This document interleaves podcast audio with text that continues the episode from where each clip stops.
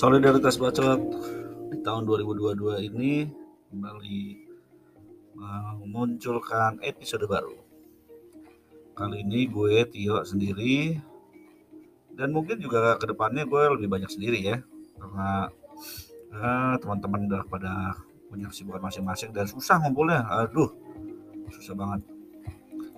Oke, kali ini gue akan baca berita yang uh, terbit kemarin tanggal 6 Januari 2022 jam 9.25 malam. Dari uh, websitenya makassarterkini.id judulnya ditantang duel sampai mati Denny Siregar. Perlihatkan dululah wajahmu dan jelaskan di mana kamu kerja. Isinya begini. Pegiat media sosial, Denny Siregar menanggapi netizen yang mengajaknya duel sampai mati. Denny Siregar meminta netizen tersebut untuk memperlihatkan wajahnya dan juga menjelaskan di mana ia bekerja. Ia meminta demikian sebab wajah dan tempatnya bekerja jelas, berbeda dengan netizen yang menantang duel.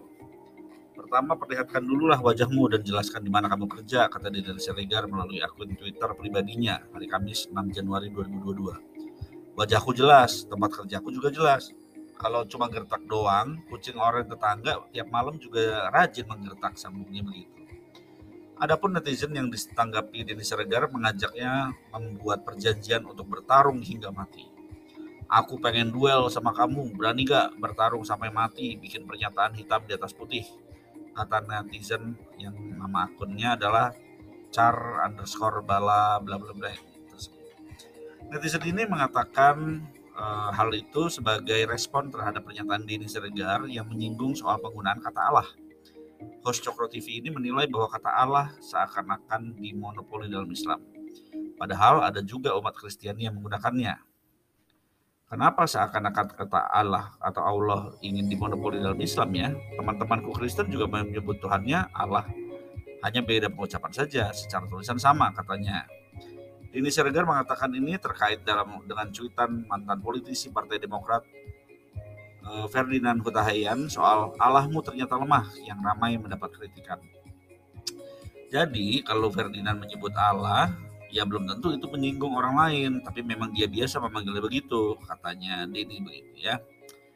Oke, jadi di artikel ini uh, gue mulai bahas ya di artikel ini yang pertama ada beberapa isu sih. Yang pertama adalah uh, omongan-omongan yang beredar di media sosial itu di mau diselesaikan dengan cara duel berantem gitu ya.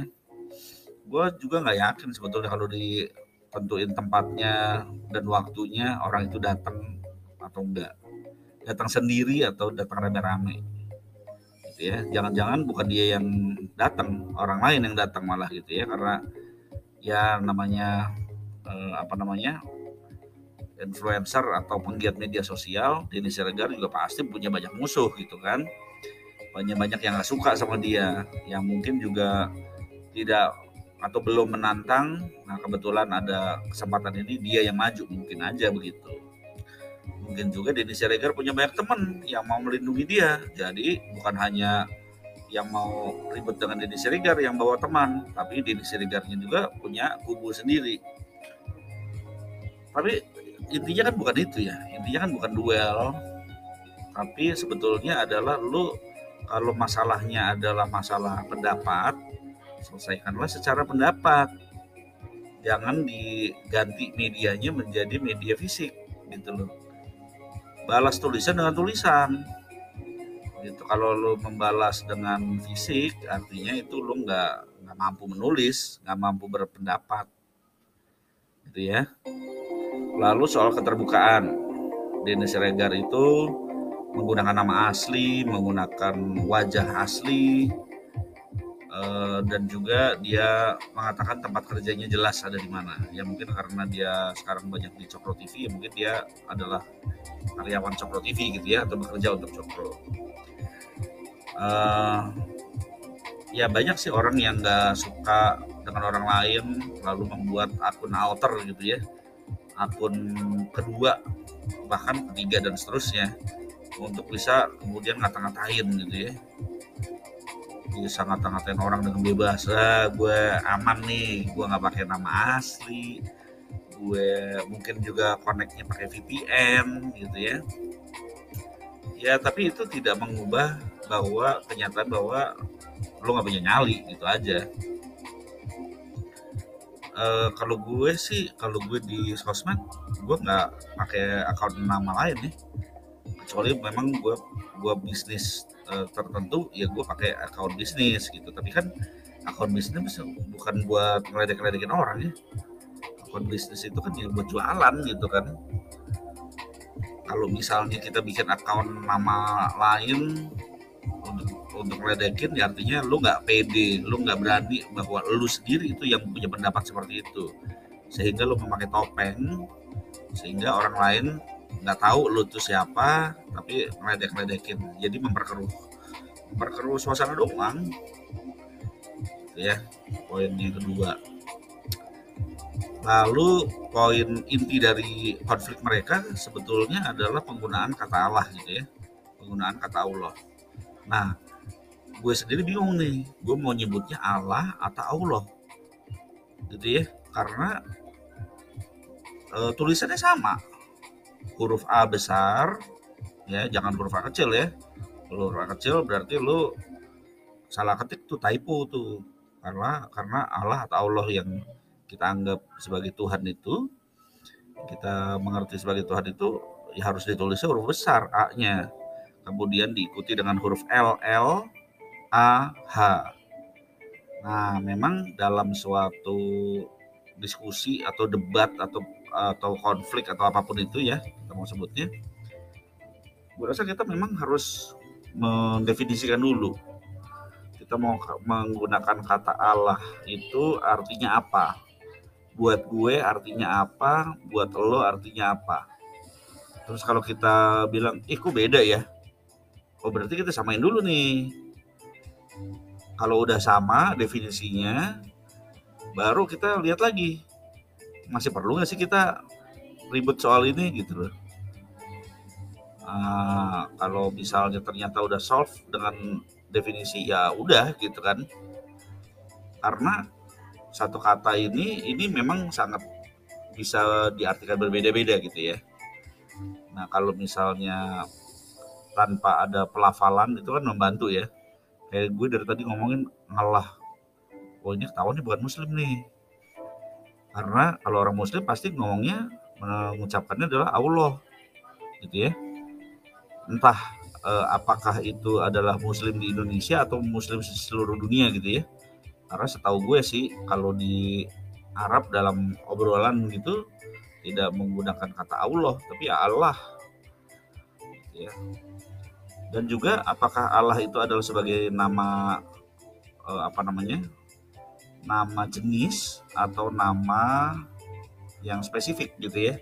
Nama jenis itu misalnya gini eh, apa namanya eh, nama jenis itu misalnya eh, anggaplah orang manusia.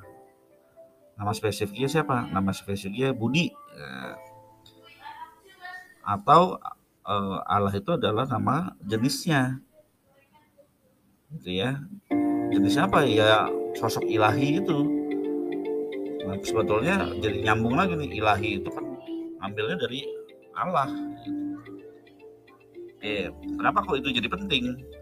Kalau misalnya penggunaan kata Allah itu diganti dengan uh, apa namanya dengan padanannya yaitu Tuhan. Tuhan itu kata jenis atau kata spesifik kalau buat orang muslim setahu gue Allah itu adalah nama spesifiknya sementara untuk orang Kristen secara umum mengatakan bahwa Allah itu adalah nama jenisnya itu bukan nama nama spesifiknya Nama spesifiknya apa? Nama spesifiknya adalah dia mengatakan dirinya itu eh, apa namanya? Aku adalah aku gitu ya. Yang dalam bahasa Ibrani-nya kemudian disingkat menjadi YHWH. Terus orang Ibrani sendiri, orang Israel sendiri nggak berani itu ngomong kata YHWH atau Yahweh itu. Mereka selalu membacanya dengan Adonai. Ya. Tapi orang yang kurang mengerti mungkin ya yang ngomong aja wah Yahweh Yahweh mengagungkan nama Yahweh ya iya sih orang Ibrani juga orang Israel juga mengagungkan nama Yahweh cuman saking mengagungkannya malah mereka nggak berani ngomongnya menggantikan dengan Adonai. Ya anyway kita mesti mesti sepakat dulu nih. Definisinya Allah itu apa? Kalau misalnya nggak sama ya berarti uh, apa namanya ya orang yang mau mengkomplain si omongannya si siapa Ferdinand Hutahian ini ya jangan pakai kata Allah dong gitu kan. Kalau bilang Allahmu ternyata lemah nah, terus pakai apa? Misalnya pakai kata ilah. Nah ilah itu kan adalah uh, bentuk jenisnya gitu ya kalau menurut orang muslim. Kan la ilaha illallah tidak ada ilah lain selain Allah. Nah berarti ilah itu adalah jenisnya. Allah itu adalah namanya. Kalau misalnya dia nggak setuju bilang Allahmu ternyata lemah ya bilang dong. Lo harusnya pakai ilah bukan pakai Allah bukan pakai Allah. Nah kalau begitu kan jadi jelas. Siapa tahu Ferdinand bisa dengan apa ya namanya dengan terbuka bilang oh iya ya benar juga sih harus pakai kata ilah. Atau dia mau mengajaknya menggunakan uh, pemahaman bahwa kata Allah itu adalah kata yang uh, kata jenisnya. Gitu. Atau kamu jangan bilang Allah dong jangan bilang Allahmu ternyata lemah bilang aja Tuhanmu ternyata lemah begitu kalau ngomong begitu rasanya titik titik konfliknya jadi bergeser gitu ya. Bisa aja nanti yang nggak suka dengan si Ferdinand itu bilang ya kau nanti terima itu akibatnya ngomong begitu ya gitu.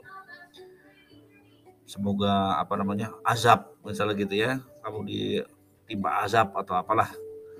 Ya jadi bukan penistaan agama kan jadi masalahnya itu memang belum ketemu pada saat dia di awal nih di bagian awalnya yaitu bagian definisinya. Ya jadi kalau misalnya kita ngomongin banyak hal banyak kata-kata banyak kata-kata yang juga perlu disamain dulu artinya nih. Gitu. Ya sama lah kayak kita ke apalah ke Medan misalnya ya. Kalau Medan Sumatera Utara itu kalau misalnya bilang apa namanya pajak gitu ya oh lagi pergi ke pajak apakah ia berkata bahwa orang itu lagi pergi ke kantor pajak nah enggak kan pajak itu artinya pasar kalau di Medan. Oh, dia lagi naik kereta. Apakah berarti naik kereta yang dibuat oleh PT KAI, Kereta Api Indonesia? Enggak lah. Kereta dalam bahasa Medan itu kan artinya kendaraan kan, mobil kan, kalau sepeda motor kan. Nah, bagi ke Medan, Medan itu apakah kota atau ke medan perang? Banyak hal yang kita perlu samakan dulu definisinya. Ya. Jadi sebetulnya perbedaan-perbedaan ini menjadi sumber konflik. Perbedaan arti. Tapi di sisi lain perbedaan arti itu sebetulnya dipakai juga oleh pelawak. Ya. Itu. Jadi eh, artinya yang apa berbeda gitu ya di, di dibikin pecah atau dibikin ketawa dengan tahu ternyata artinya yang itu bukan yang ini gitu nah itu kan memang kerjaannya pelawak tuh tapi kenapa kenapa kok pelawak laku ya? Nggak jadi konflik ya? Oh ya ada juga yang jadi konflik ya. Yang jadi masalah juga banyak sih. Tapi memang eh, itu adalah salah satu mungkin salah satu teknik untuk membuat lawakan gitu yaitu dengan menggunakan arti yang berikutnya. Nah kalau kita lihat di KBBI ya coba kita buka websitenya ya. KBBI itu kamus besar bahasa Indonesia. Kalau kita nyari sebuah kata itu pasti akan ada e, banyak arti itu misalnya kata Medan nih ini gue lagi buka nih kata Medan di kbbi.kemdikbud.go.id Medan itu ada tujuh arti. Tuh bayangin, lu bisa pelintirin satu kata menjadi banyak arti. Tanah lapangan, ya, tanah nomor satu nih tanah lapang, tanah yang luas, misalnya untuk berpacu kuda dan sebagainya. Yang kedua adalah lingkungan, medan juang tentara atau mencakupi medan pembangunan, misalnya juga ya ruang lingkup atau lokasi daerah. Misalnya untuk mencapai tempat jatuhnya pesawat sulit karena berada di hutan yang lebat dan medannya menanjak, misalnya. Atau keempat, batas sentuhan antara dua masa udara yang berbeda keadaannya. Atau itu di dalam geologi ya, geografi ya. Dalam fisika artinya adalah ruang yang mengandung pengaruh gaya, misalnya gaya eh, medan magnet, medan listrik. Matematika, himpunan tak kosong dengan dua operasi biner yaitu penjumlahan dan perkalian atau di komputer lokasi dalam rekaman tempat jenis data tertentu disimpan. Ya. Nah, itu baru satu kata. Kalau sekarang gue coba kata Allah. Nah, sini adalah nama Tuhan dalam bahasa Arab. Pencipta alam semesta yang maha sempurna. Tuhan yang maha esa yang disembah oleh orang yang beriman demi Allah hamba Allah insya Allah karena Allah gitu ya nah itu kalau misalnya kita cari lagi yang lain nih misalnya ilah ilah itu adalah sembahan sesembahan atau yang disembah nah kan kalau dipas kan kalau misalnya si Ferdinand bilang oh ilahmu itu uh, ternyata lemah misalnya begitu ya. Sesembahanmu. Ya meskipun sebetulnya pada akhirnya merujuknya ke yang sama ke sosok ilahi yang sama gitu kan. Dan e, hal yang berikutnya adalah kalau misalnya orang dibilang e, Tuhanmu lemah marah apa enggak sih tergantung ya. Tergantung dia memandang Tuhannya itu seperti apa. Kalau misalnya dia memandang dia juga ya gitu ya. Lemah ya. Bisa jadi dia nggak marah ya. Tapi di sisi lain bisa juga dia marah. Kurang ajar ternyata yang selama ini gua anggap maha segalanya ternyata lemah gitu ya. Bisa jadi marah. Tapi kemudian di sisi lain bisa juga dia berpikir um, lemah gitu ya. Uh, apa namanya? Dia berpikir kalau begitu perlu gue bela dong. Atau oh ini atasan gue ya. Jadi kalau misalnya teman dihina aja kan kita marah. Atasan dihina atau orang tua dihina kita marah. Apalagi Tuhan yang dihina kita harus marah dong gitu. Atau ada lagi yang lain. Kalau Tuhan kan maha kuasa maha besar dia yang harusnya ngebela kita ngapain kita nggak mungkin ngebela dia dia nggak perlu dibela gitu loh Nah, jadinya kan banyak pandangan tuh dan juga banyak output dari uh, apa namanya ya, akibat atau ekspresi atau reaksi kita terhadap uh, ucapan itu. Nah, kalau menurut gue sih ya udah sih biarin aja. Orang itu kalau kita tidak anggap dia akan berhenti sendiri. Sama kayak itu ya. Kayak ada gangguan-gangguan gaib gitu ya, goib. Pintu tiba-tiba buka sendiri. Cuekin aja. Siapa tahu cuma angin gitu kan. Atau kalaupun makhluk halus ya udah sih pintu doang yang dibunyiin emang dia mau apa kita gitu kan. Secara logisnya begitu. Tapi kadang-kadang ya itulah kita tidak logis. Kadang-kadang kita tuh pengennya uh, me, apa namanya ya, mengumbar ego uh, tidak bisa mengendalikan ego kita. Ayolah kita logis sedikit lah. Kalau dibilang begitu ya santai aja. Kalau kita dikata-katain dengan uh, orang tua kita nama orang tua kita misalnya gitu ya. Ya SMP banget sih. Atau SD banget bahkan gitu ya. Zaman-zaman itulah kita diledekin gitu. Kalau zaman sekarang masih emosi ya lucu aja gitu. Menurut gue sih ya nggak usah lah. Kalau mau daripada ngajakin ribut uh, Denny Siregar yang tadi kan uh, apa saut-sautan di medsos akhirnya menjadi pengen berantem gitu ya. Ya ributnya harus dengan aturan yang jelas. Jangan ribut di luar uh, bisa mencarakai dan juga nggak resmi ya bisa ditangkap sih. Bisa dipenjara kalau misalnya kita ketemu ya di sasana itu atau di gym itu bilang kita parung nih sampai sampai yang satu nyerah. Jangan sampai mati tapi yang satu nyerah. Nah, itu one on one kalau perlu ditutup aja nggak ada yang lihat. Ntar kalau udah selesai orang nunggu di luar. Ya kan? Nah ingat ya lo film Ipman? Ya kan ada master lain yang datang ke rumahnya dia. Terus anaknya naik sepeda apa kata mama jangan ada yang pecah barangnya gitu kan. Terus dia lewat lagi gitu, gitu, gitu. Terus akhirnya mereka berantem dulu gitu kan. Nah, orang-orang pada nonton eh, pada di luar terus si inspektur polisinya nonton lewat lubang gitu kan. Tapi kemudian ketendang tuh pintunya jeruk jadi dianya kejedok apa ya itulah kejedok pintu gitu ya. Artinya nggak kelihatan juga sebetulnya apa yang terjadi di dalam terus setelah selesai mereka berdua keluar Iqman sama si master yang satu lagi itu terjaga harga dirinya men. Ya menang juga nggak apa namanya menang tanpa ngasorake gitu kan tanpa sombong. Yang kalah juga terjaga harga dirinya. Orang nggak tahu dia kalah. Dua-duanya keluar misalnya bonyok gitu ya udah. Dan dua-duanya pun di luar nanti bisa bilang gue yang menang atau udah lo nggak usah tanya-tanya gitu kan. Itu itu kalau dua-duanya setuju untuk bertarung. Tapi bertarung dengan sehat ya untuk olahraga. Sekalian hitung-hitung jangan jadi keyboard warrior doang. Jangan cuma bacot doang. Kalau mau ngebacot ya di sini lah di solidaritas bacot.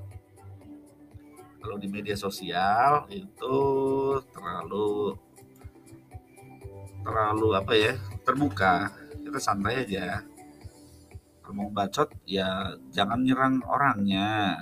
Seranglah pendapatnya. Ya kalau bahasa kerennya kan ad hominem. Lu tuh nyerang orangnya nyerang uh, ya nggak bener lah ya. Misalnya kalau orang dibilang uh, lu dikatain lu jelek. Terus ya gue balikin lagi oh iya lu juga jelek. Sama gitu nggak usah bilang wah gue gampar lu gitu. Nggak usah. Kata-kata dibalas dengan kata-kata. Eye for an eye ya kan? Mata ganti mata. Iya kalau fisik. Kalau omongan bacot gimana ya? Bacot ganti bacot. Udah gitu aja sih. Ya jadi jangan terlalu sering-sering main medsos juga kalau gue sih mikir gitu ya. 2022 ini kita produktif lah. Kita sama-sama berkreasi berkarya nggak harus keseringan main medsos sehingga kita nggak ngerti apa yang benar. Siapa yang benar yang salah nggak ngerti. Nggak ada yang benar 100% dan juga nggak ada yang salah 100% sih sebetulnya kalau menurut gue. Cuman ya itu sih apa uh, ya dibatasi lah main medsosnya sehingga otak kita juga sehat. Oke gitu aja deh solidaritas bacot permisi dulu ya bro. Sis. Bye